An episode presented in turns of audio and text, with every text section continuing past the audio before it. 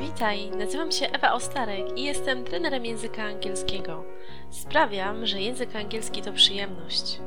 Słuchasz podcastu Więcej niż język angielski, który został stworzony dla kobiet takich jak ty, które chcą odkryć i pogłębić w sobie pasję do języka angielskiego.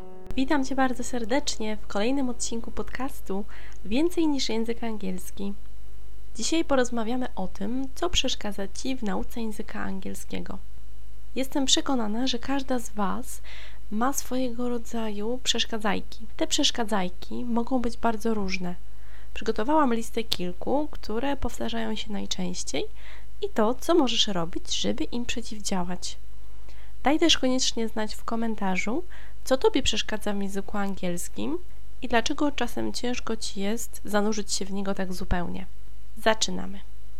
Po pierwsze, przeszkadzać może Ci perfekcjonizm. Jeżeli chcesz powiedzieć słowa, frazy, czy uczyć się ich perfekcyjnie, idealnie, tak jak powinny być wypowiadane, jeżeli chcesz czytać od razu, mówić poprawnie i jeszcze gramatycznie, w odpowiedniej intonacji i przesiąka tobą taki perfekcjonizm, to faktycznie może ci być bardzo trudno. Sama kiedyś zmagałam się z podobnym problemem, ponieważ chciałam mówić od razu tak, jak powinno być. Denerwowałam się na siebie, gdy nie potrafiłam powtórzyć za lektorem jakichś słów, czy fraz, czy zdań. Nie chciałam aż tyle razy nad tym pracować. Dopiero ta pokora przyszła gdzieś po jakimś czasie, gdy przekonałam się, że practice makes perfect, czyli ćwiczenie czyni mistrza i trzeba pewne rzeczy wyćwiczyć, żeby było lepiej i żeby faktycznie można było cieszyć się tym językiem, a nie myśleć o tym, że muszę powiedzieć wszystko dobrze.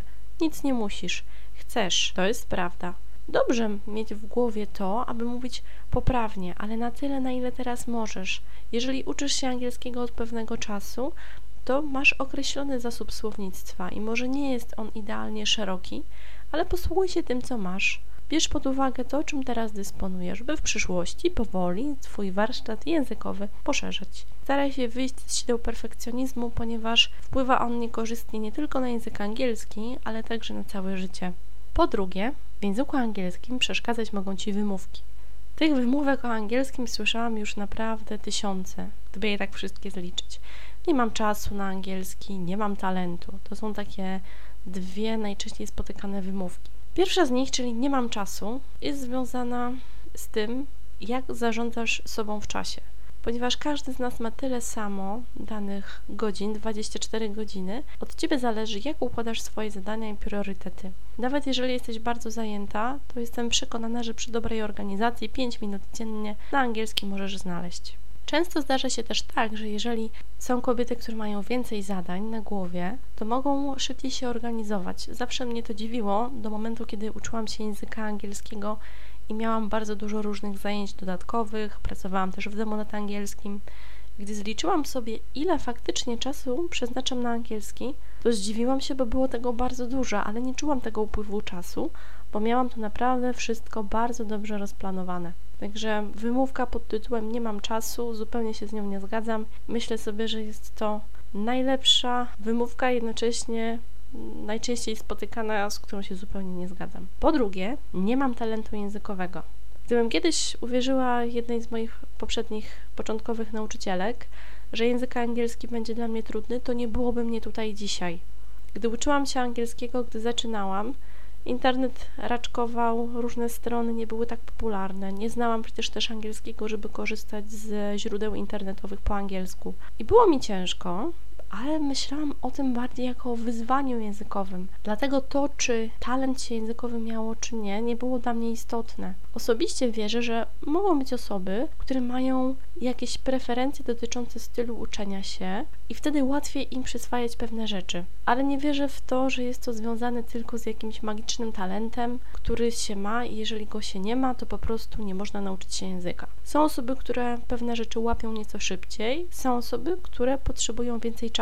Ja należałam do tej drugiej grupy osób, które potrzebowały więcej czasu. I faktycznie język angielski to były dla mnie lata pracy, ale takiej, która była dla mnie przyjemna, ponieważ chciałam ją zrobić w taki przyjemny dla mnie, no na tyle przyjemny, na ile możliwe, to jest sposób. Talent mogą być może nie talenty, ale pewne preferencje, które ktoś wykorzystuje. Jeżeli ty poznasz swoje preferencje dotyczące tego, jak lubisz się uczyć, to będzie ci z pewnością o wiele łatwiej zanurzyć w język angielski. Jeżeli chcesz, możesz poszukać takich testów dotyczących stylów uczenia się. Są osoby, które uważają, że to nie jest prawdziwe, są osoby, które myślą, że preferencje dotyczące stylu uczenia się istnieją. Ja uważam, że jeżeli wiesz, co lubisz, co preferujesz, warto z tego skorzystać i przekonać się. Taki przykładowy test zamieszczę tutaj pod spodem jako link, żebyś mogła rzucić sobie na niego okiem.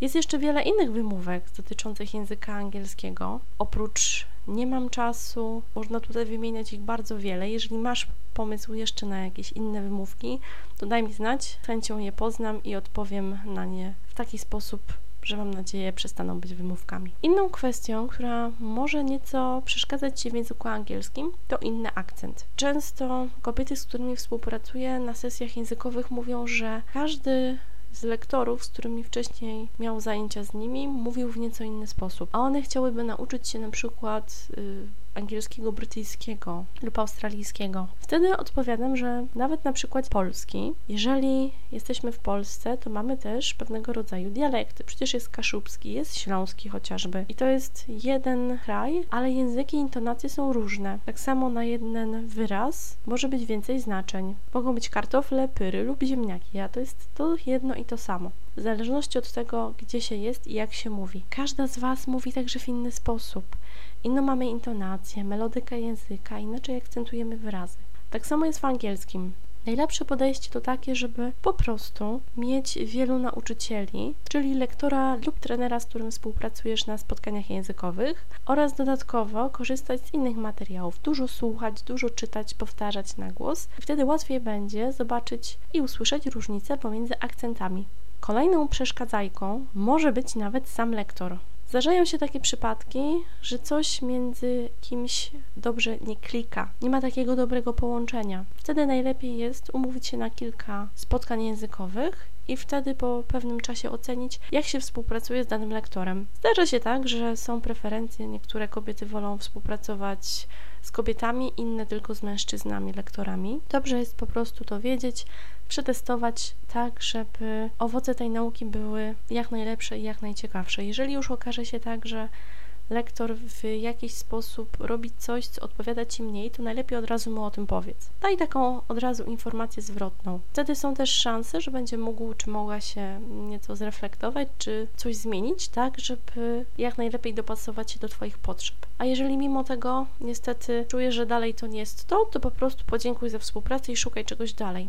Podejście uczciwe jest moim zdaniem najlepsze, ponieważ jest to dobre i dla Ciebie, przede wszystkim ponieważ Ty chcesz zagłębić się w język angielski i szukać osoby, która pomoże Ci w tym najlepiej, a z drugiej strony lektor nie ma takiego poczucia, że ciągnie Cię za język, że się stara, a Ty po prostu tego nie odczuwasz i nie odbierasz. To moim zdaniem są takie jedne z najciekawszych, najbardziej spotykanych przeszkadzajek w języku angielskim. Jeśli sama wiesz, jakie są jeszcze inne, podziel się tutaj w komentarzu, lub napisz do mnie wiadomości prywatnej. Mam nadzieję, że te elementy były dla Ciebie ciekawe i spotkamy się niebawem w kolejnym odcinku. Jeżeli miałabyś ochotę przeczytać jakieś moje poprzednie artykuły, zajrzyj na moją stronę ewaostarek.pl.